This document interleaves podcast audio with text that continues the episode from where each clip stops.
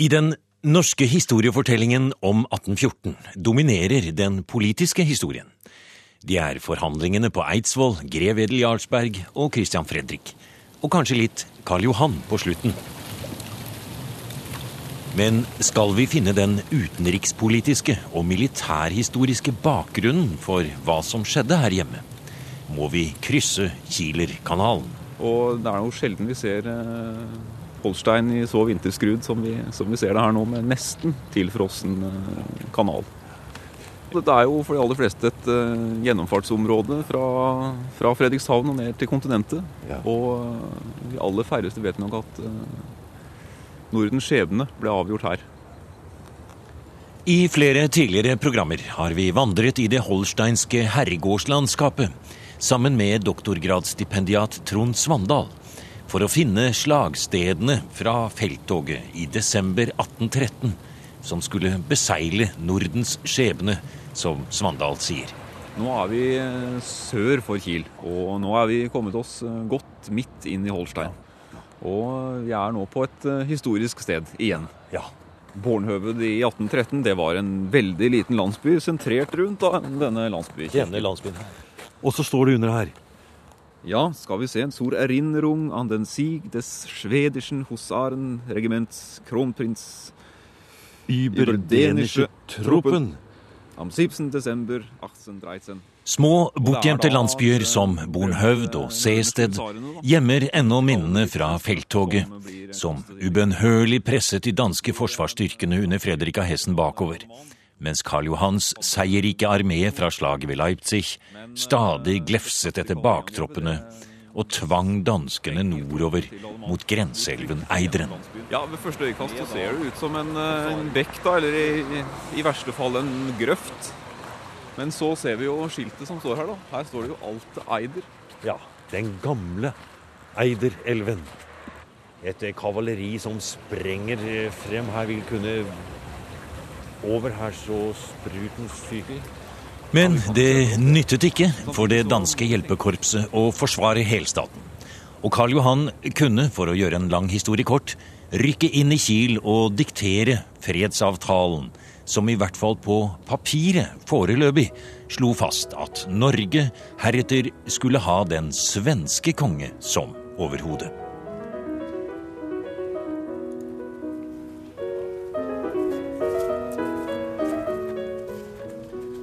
Når vi skal fortsette historien om hvordan de store omveltningene i Europa slår inn i den militære delen av vår 1814-historie, hopper vi fra Kiel i januar til en måneds tid etter den første 17. mai. Da havner vi her, hos Dan Karlsen Wang på den praktfullt restaurerte Hafslund hovedgård i Østfold. Vi har jo rekonstruert et, et rom fra 62 her i samarbeid med NIKU og Riksantikvaren. Og det er helt identisk alt som vi tror kan være mottakelsen som de brukte. Etter Kiel, men før svenskene setter hardt mot hardt for å få gjennomført avtalen, er det stor aktivitet i den norske overkommandos hovedkvarter her på Hafslund. De svenske styrkene og Karl Johan var foreløpig bundet opp i stormaktspolitikken på kontinentet og siste runde med Napoleon. Så det var noen måneder på våren og sommeren 1814 nordmennene kunne forberede seg på det som måtte komme. Og kommandosentralen var her på Hafslund. Ja, det er litt av noen uh, omgivelser vi kommer inn i her. Det er store, doble trappefløyer. Stor, åpen hål gobelenger på veggene. Eh, vi føler oss litt eh, hensatt eh, tilbake i fordums glans her. Ja, dette her er fantastisk flott. Og det, det, var jo virkelig en av de mest standsmessige bygninger i Norge når vi går tilbake til 1814. Ja. Før vi kaster oss ut i krigen, hadde jeg nær sagt, Trond. La oss rydde opp det med en gang mens vi går i disse flotte salene her på Hafslund hovedgård. Og er tilbake i begynnelsen av 1800-tallet. Vi skal nå snakke om krigen, felttoget i 1814. Men du nevnte Christian August, du nevnte krigen som gikk forut. Og la oss rydde opp i det med en gang, slik at vi ikke han er sagt, blander sammen disse to krigene. For det er det lett å gjøre. Det er det lett å gjøre, og det er mange som nok har gått i den, i den fella tidligere. Krigen i 1808 den eh, blusser jo opp. Dette er jo i etterkant av eh, flåteranet, det er krigen med Storbritannia. Og eh, allianseforholdene i Europa gjør at vi da involveres i krig med Sverige. Mm. Og den raser i flere måneder våren og sommeren 1808. Og varer helt til altså Freden kommer ikke før i desember 1809, men da har det vært et år uten krigshandlinger. Eh, men dette her er den krigen vi nok I den grad vi har hørt om napoleonskrigene mm. og nødsåra og mm. krigshandlinger, så er det Terje Viken og det hele? Terje Viken og det hele. Mm. Dreyer på Stubben mm. og slaget ved Berby og Prestebakke her i Østfold. Ja. Så er det 1808. 1814-krigen mm. varer jo bare i drøye to uker. Men vi kan også si at krigen i 1808, der er det Danmark-Norge som er i krig med Sverige for å bevare helstaten. I 1814 så er det det nye selvstendige Norge som prøver å forsvare selvstendigheten fra Eidsvoll. Så er det en annen stor forskjell, Trond, og det er at eh, Karl Johan står på forskjellige sider i disse to felttogene. Ja, det gjør han jo. Og Karl Johan er jo en veldig spennende figur i disse åra her. I 1808 så er jo Karl Johan også med, men da som alliert med Danmark-Norge og står med et stort hjelpekorps eh, i Danmark for å stå klar til å rykke inn i Skåne i Fredrik 6.s planlagte invasjon av Sverige. Mm. I 1814 så er jo Karl Johan fienden. Nå vi, går vi inn forsiktig, forsiktig på nydelige, flotte, gamle tepper. Vi er i annen etasje på Hafslund hovedgård. Vi hører det knirker i parketten. Vi har fått lov til å gå litt rundt her, ja. Se her. her. Se på de rommene, ja. Det er rokokkospeil, ja, gardiner, tunge gardiner. Se denne lange suiten av rom som følger etter hverandre her, og en stor sal som vi kommer inn i her nå. Eidsvoll var jo, var jo ikke engang ferdig i 1814. Nei. Mens Hafslund er jo virkelig og har, har vært et både politisk sentrum og økonomisk sentrum, ikke minst. Og det er jo tilknytningen her også til Markus Jø Rosenkrantz, mm. som er veldig viktig. Som var en sentral figur i det politiske liv mm. i 1814, men hadde vært i åra før også. Både som amtmann, stiftamtmann, statsråd. Mm. Så Rosenkrantz er en eh, Og eide da Hafslund. Vi hører nesten romklangen i dette rommet som vi går inn i her nå. Det er en eh, slottsfølelse over dette. Både i eh, møbler og restaurering og det hele. Det er jo helt utrolig flott eh, satt tilbake igjen her. Og grunnen til at vi er her, det er jo for å på en måte suge inn litt eh, stemning og bakgrunn for det som altså da dette huset ble brukt til i de skjebnesvangre dagene i august 1814. For hvilken rolle hadde dette huset her da, Trond? Jo, da var jo dette her det militære hovedkvarteret for den norske, hæren. Så her satt eh, general Staffelt, Bernhard Ditlev Staffelt, som på den, tids, eh, den tiden her var generalløytnant og den øverste leder av hæren. Selvfølgelig underlagt Christian Fredrik som konge. Eh, Hafslund hadde spilt en rolle som militært hovedkvarter også i 1808. Og da Christian August var her, så gården ligger jo så strategisk, så sentralt i Østfold, som alle visste kom til å bli hoved område for en krig med Sverige. Mm. Og Grunnen til det er det vi ser ut av vinduene her, Trond. Vi, har, vi ser ut av vinduene i annen etasje på eh, Hafslund hovedgård, og vi ser litt av Glommas løp som går der borte. For Glomma skulle spille en svært viktig rolle i dette felttoget. Det var en strategisk forsvarslinje. Glomma var en helt sentral rolle. Og dette var planlagt. Altså Den uh, norske generalstabssjefen Eh, Seiersted hadde utarbeidet en forsvarsplan i 1813. Og der er det helt klart at det er Glomma som er forsvarslinja. Altså Den norske hæren skal trekke seg bak Glomma, og der gjøre seg klar til et motangrep mot svenskene. Mm. I, I, første rekke da fra Kongsvinger og til Fredrikstad, da, eller er det også lenger nordover? Det er faktisk helt nord til Elverum. Mm. Men det er jo fra Kongsvinger og ned til Fredrikstad. Det er der som er, det er der hæren skal i hovedsak operere. Mm. Og det kan vi jo skjønne. Altså, de store skogsområdene når vi kom nord i Hedmark, var det nesten umulig å bevege seg gjennom. Mm. Og dette her var sånn man hadde ført krig med Sverige siden 1600-tallet. Mm. Det var noen områder man kunne føre krigen, og hvor man visste at krigen ville foregå. Altså Glomma har flere funksjoner på den tida her. Altså Den er både en forsvarslinje, for den er vanskelig å krysse. Eh, men den er også en transportåre. Kanskje den viktigste transportåret gjennom Østlandet. Mm. Vi kjenner jo det selvfølgelig fra trelasten, tømmerfløting, men også de militære transportene, som var store og betydelige. Og det er lett å tenke på felttog i 1814 og i 1808 som små trefninger. Og det er jo ikke store feltslag som foregår. Men hele dette militære apparatet som settes i sving, er jo helt enormt. Og det er jo snakk om for det første tusenvis av soldater, men det er jo hundrevis, og til tider tusenvis av hester, vogner, båter, prammer som skal frakte alt mellom magasinene, soldatene. Så det er et enormt maskineri. På dårlige norske, nesten kjerreveier. Og da er Glomma en utrolig viktig åre for å transportere ting. Nettopp. Nå skal vi gå ned i krigsrommet fra annen etasje her i Hafslund hovedgård og tenke oss inn i situasjonen som de måtte ha sittet og planlagt når første angrepet kommer.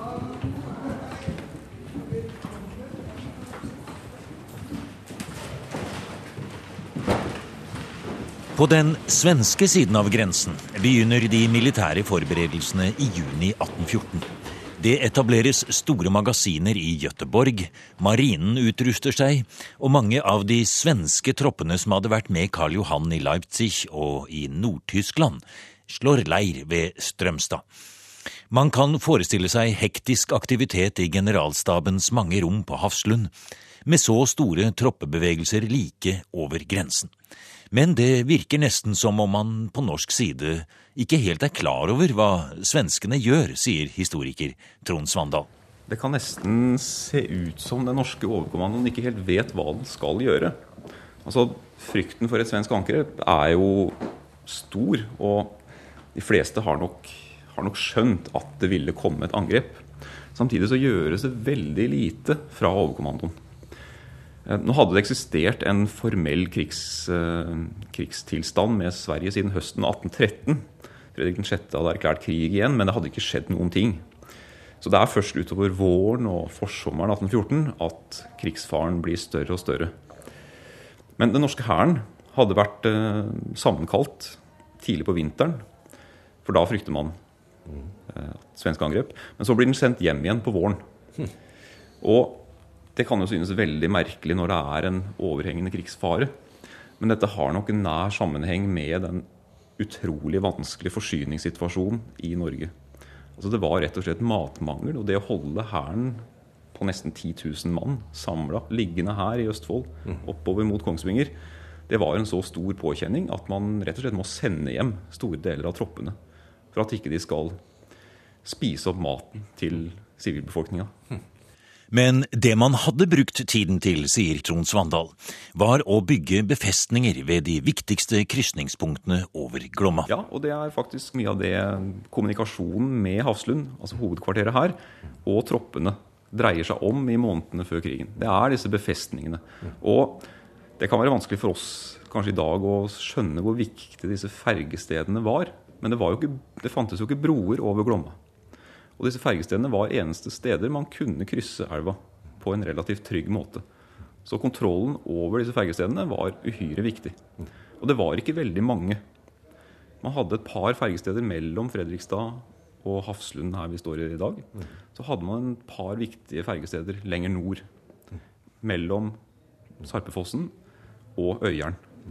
Og dette var strategisk svært viktige punkter. Nervøsiteten sprer seg. Den svenske krigsmaskinen settes i gang med 45 000 krigstrente soldater fordelt på landstyrker og marine, mens nordmennene mønstrer en hær på rundt 30 000. Svenskene har planlagt en større knipetangsmanøver som skal slå ut Fredriksten festning og Fredrikstad, og så omringe den norske feltherren som ligger i Østfold og vokter Glommalinjen. Kong Christian Fredrik har foreløpig sitt hovedkvarter i Kristiania, med sitt lille statsråd rundt seg, og håper i det lengste på en forhandlingsløsning. Men så sitter jo da general Staffelt, mm. generalløytnant Staffelt her på Hafslund. Ja. Og det er jo han som har kontakten med den største delen av hæren, som jo ligger i Østfold. Mm. Og hans hovedkvarter Her gikk jo depesjene ut og inn, både til troppene, til avdelingene, inn til Kristiania. Det kommer utsendinger fram og tilbake. Og disse utenlandske utsendingene, som jo kommer stadig vekk for å kreve Kiel-traktaten gjennomført, kommer jo ofte innom Hafslund. For dette her er jo hovedferdsels... Ligger jo ved veien mot Sverige. Man kan jo faktisk si da at Hafslund spiller en ganske stor og viktig rolle i noen viktige uker av den unge nasjonens historie. Men kanskje veldig ukjent uh, historie, dette? Ja, akkurat denne delen her er nok en veldig ukjent del av Hafslunds historie. Og det er jo en ukjent del av norsk historie også, dette korte, dramatiske, men uhyre viktige felttoget i 1814. Den er litt mer opp der. Skal vi prøve, å, skal prøve å komme oss ned der, ja. Den nedre befestningen her. Vi prøve å finne en vei gjennom skogen. Da. Her er det da tydelig utgravd eh, altså Her er det nesten som en vollgrav midt inne i skogen her, jo. Så vidt vi kommer over her. Det er litt vanskelig å komme fram inn i den tette Østfoldskogen her i dag, men her kan vi vel regne med at det var snauhogd. Det var nok et helt annet landskap som hadde møtt oss i Ja. sommeren 1814. Vi får prøve å gå opp på skansen her, kanskje.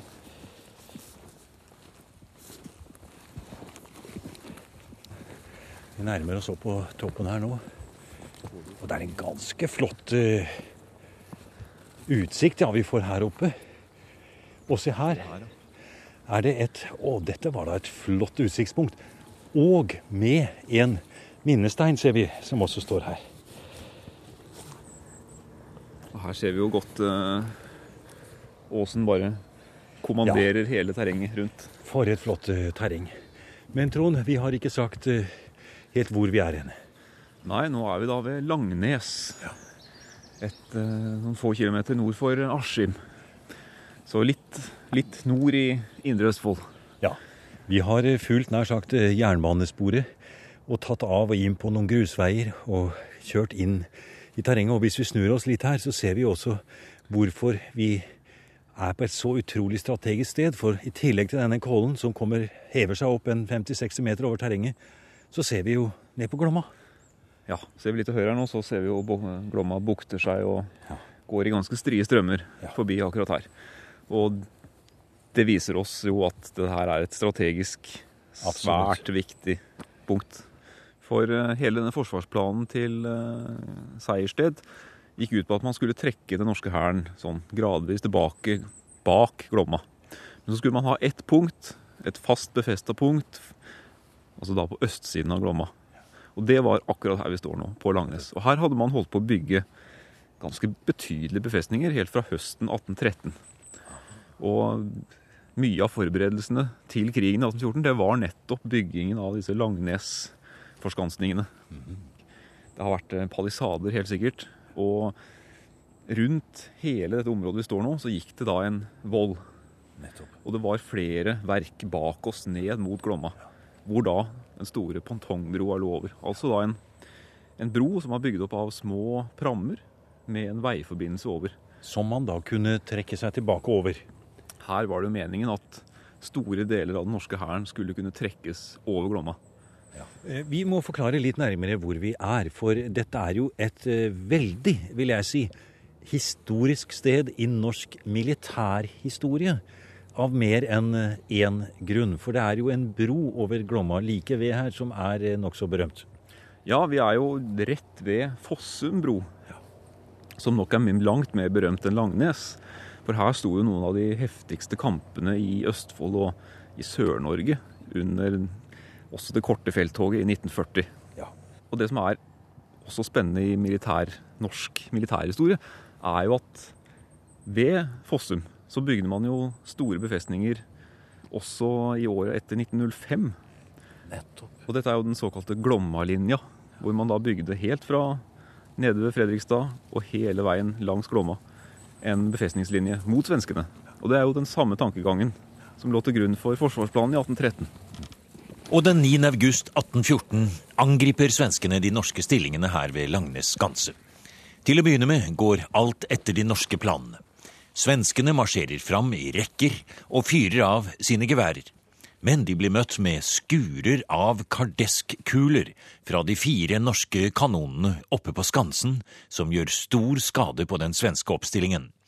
Og for en gangs skyld, sier Trond Svandal, er vi også heldige med været, selv om det er det verste været man kan tenke seg.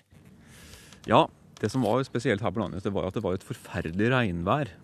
Og sensommeren i 1814, beretninger viser at den var, det var mye regn, det var dårlig vær. Det hadde vært tordenvær noen dager før. Og vi kan se for oss at jordene her de har vært vasstrukne. Og regnet bare fosser ned. Så muskettene som da brukte svartkrutt selvfølgelig, eh, var jo nesten ikke Man kunne nesten ikke skyte.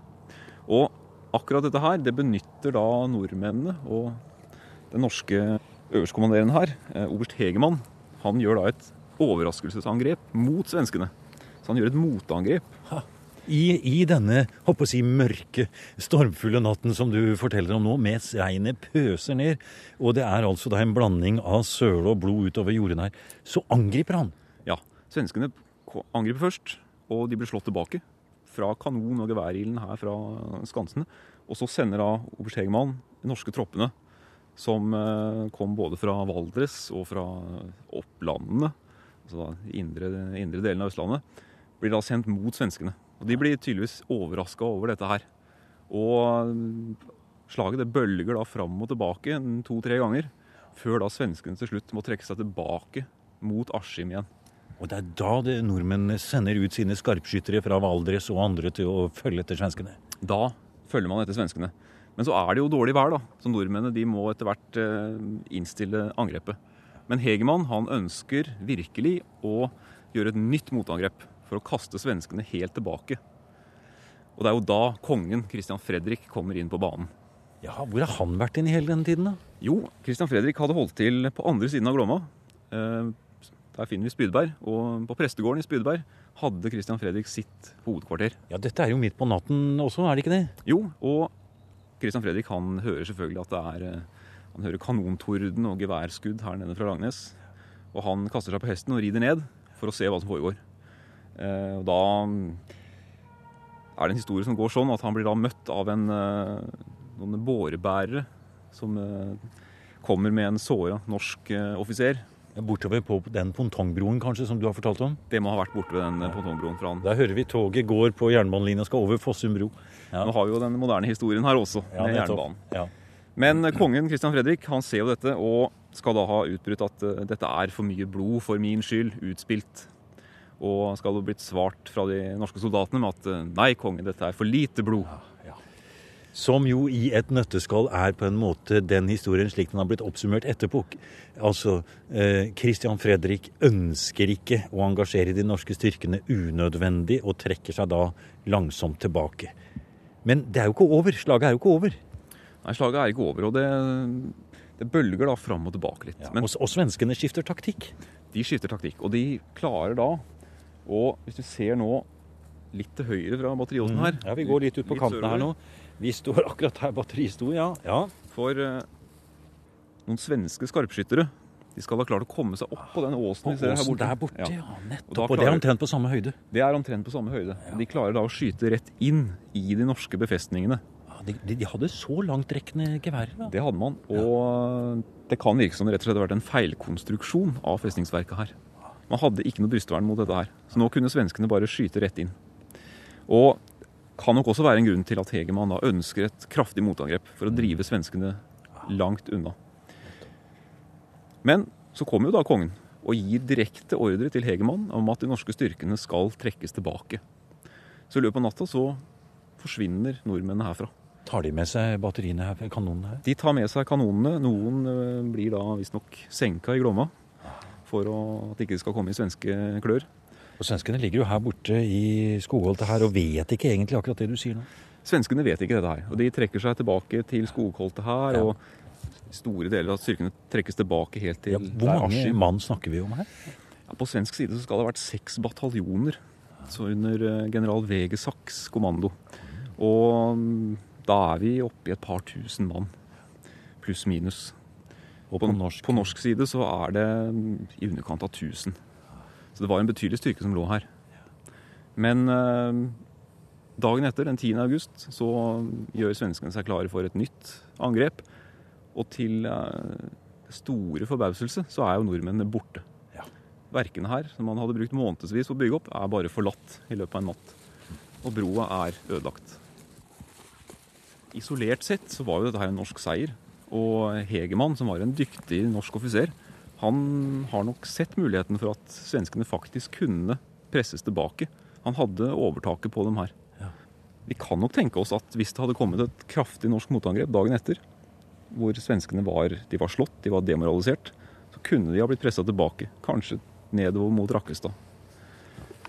Men det kom jo aldri noe slikt angrep. Så det er, det er vanskelig å si. Men sett fra Christian Fredriks eh, ståsted, han var jo en politiker oppi alt dette her, så hadde han allerede begynt å innlede forhandlinger med svenskene for en våpenhvile og for å få slutt på krigen. Og sett fra den siden så var det nok nytteløst og kanskje kontraproduktivt å fortsette kampene her ved Langnes.